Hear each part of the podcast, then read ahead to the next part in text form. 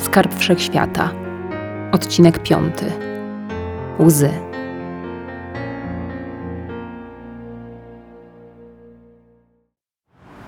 Korzystając z funkcji autopilota, Gloria idealnie połączyła dwie rzeczy.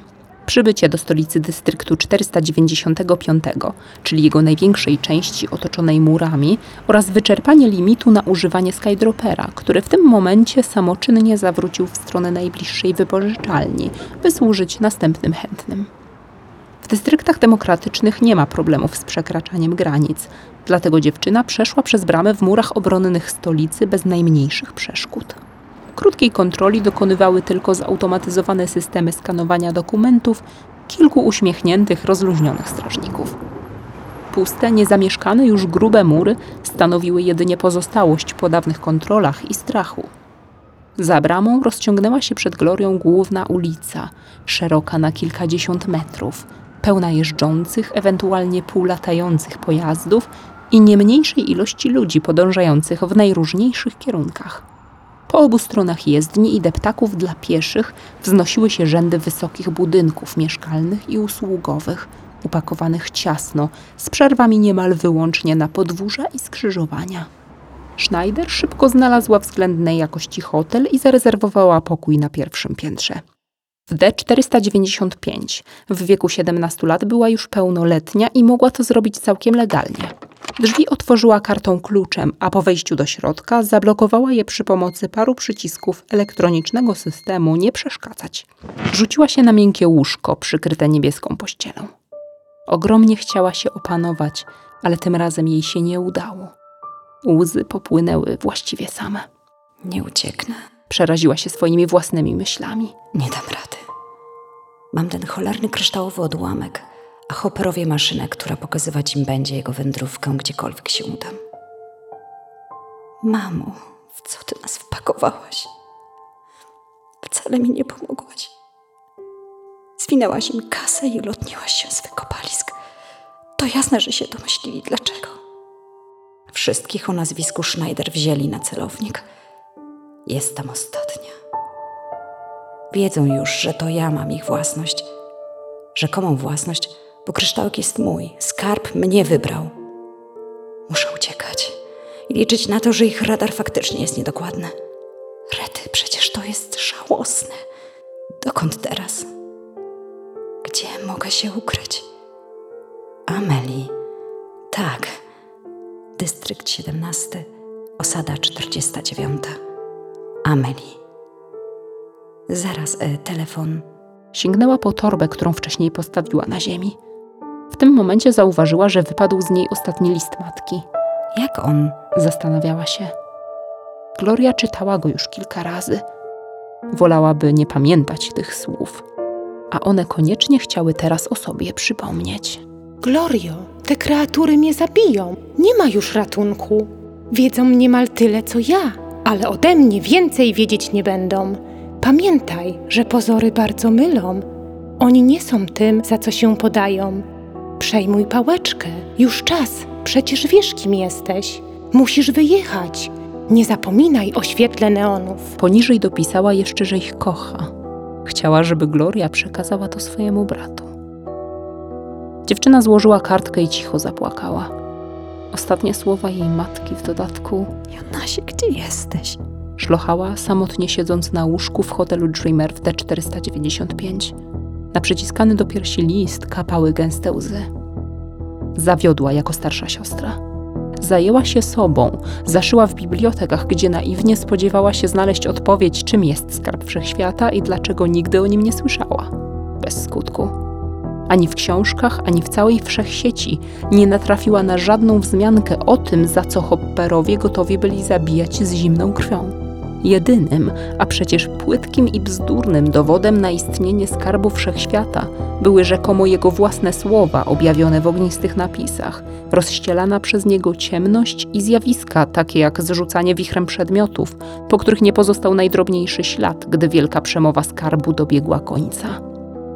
Jedynym, a jakże niepewnym i śmiesznym dowodem na prawdziwość tej bajki było to, co ktoś rozsądny nazwałby wspólnym omamem matki i córki. Dlatego omamu Gloria zostawiła rodzinę. Opiekunów odnalazła martwych, brata nie odnalazła już wcale.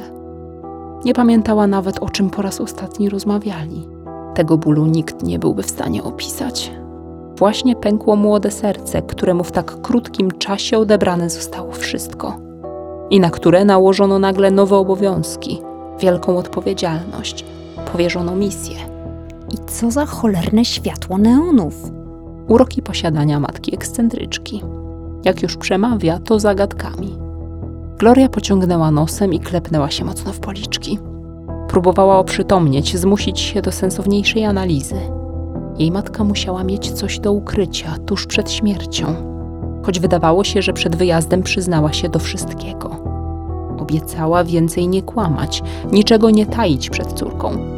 Przecież chciała, aby ona podjęła wielkie dzieło ratowania świata, albo nawet wszechświata. Przekonywała, że taki ich los, zanim zabiły ją jakieś kreatury.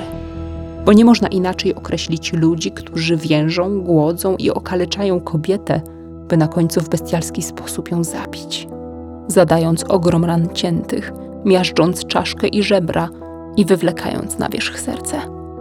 Z ponurego odrętwienia wyrwał Glorię dźwięk telefonu komórkowego. Co się z tobą dzieje? Aż podskoczyła pod wpływem natężenia głosu Laury Meyer, najlepszej przyjaciółki. Gdzie jesteś? Halo, jesteś tam? Glorio! Jestem, jestem. Ze swojego wnętrza Gloria była w stanie wydobyć jedynie nikły szept. Łzy nie przestawały płynąć. Rety, słyszałam o tym. U ciebie w domu. Tak mi przykro. Chciałam, żebyś o tym wiedziała, jak bardzo ci współczuję. Taka tragedia. Jonas jest z tobą? Lauro, ja nie znalazłam Jonasa. Właśnie o to chodzi, że nie znalazłam Jonasa. Nie było go w domu, nie było. Lauro, ja nie wiem co. Łzy ostatecznie wygrały. Nie pozwoliły Glorii dokończyć. Później nie pamiętała już, co powiedziała dalej. Wyrzuciła z siebie potok nieskładnych myśli, wymieszanych z płaczem i krzykiem. Zaczęła się trząść. Nie mogła opanować drżenia dłoni. Prosiła tylko, by się o nią nie martwić, ale też nie oczekiwać jej w dystrykcie 492. Mówiła, że jak szalona wydzwania do Jonasa, ale ten nie odbiera telefonu. Że nie będzie jej na zakończeniu roku i odbiorze świadectw i jego na pewno też nie. Nie, nie wie gdzie się uda. Nie wie nawet, czy jest sens szukać brata. Ale nie wróci. Nie może sobie na to pozwolić. Ucieknie, bo podejrzewa, że sama też miała zginąć. Nie przekonywały jej argumenty Laury, że powinna zgłosić się po profesjonalną pomoc. Nie dała przyjaciółce więcej dojść do słowa. Pamiętaj tylko, że zawsze możesz na mnie liczyć. I odezwij się czasem. To było ostatnie, co Laurze udało się powiedzieć. Potem jej głos umilkł i zamienił się w zwykły telefoniczny sygnał. Zapłakana Gloria rzuciła komórkę w kąt łóżka pod ścianą. Była zła na siebie za to, iż tak oschle musiała potraktować bliską osobę. Po raz kolejny przekleła swoje życie. Aby zająć umysł cudzymi problemami i uciec od swoich, uruchomiła telewizor umieszczony w podłodze przed łóżkiem. Rzutnik emitujący promienie pionowo w górę zaczął wyświetlać w powietrzu obrazy. Dziewczyna przesunęła się na łóżku, by sięgnąć do nich ręką.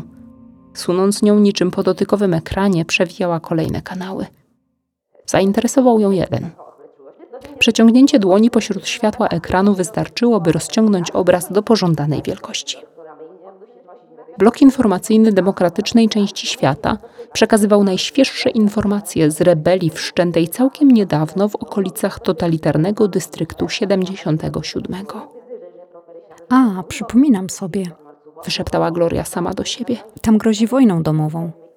Siedząca za biurkiem elegancko ubrana kobieta relacjonowała tak zwaną sprawę dziewczyny z kosą, która według najnowszych doniesień robiła się coraz poważniejsza. Ostatnia bitwa buntowników z wojskiem D-77 przyniosła śmierć ponad 100 osobom z obu stron konfliktu. Pomimo tego, że nasi reporterzy ryzykują życie, by zdobyć dla państwa szersze informacje, jest to prawie niemożliwe z uwagi na fakt, że dystrykt 77 niemal odgrodził się od świata. Nieoficjalnie wiadomo, że boryka się z atakami dziewczyny z kosą, które nie dotyczą już tylko osad, lecz również stolicy. Gloria wyregulowała głośność i rozparła się na poduszkach.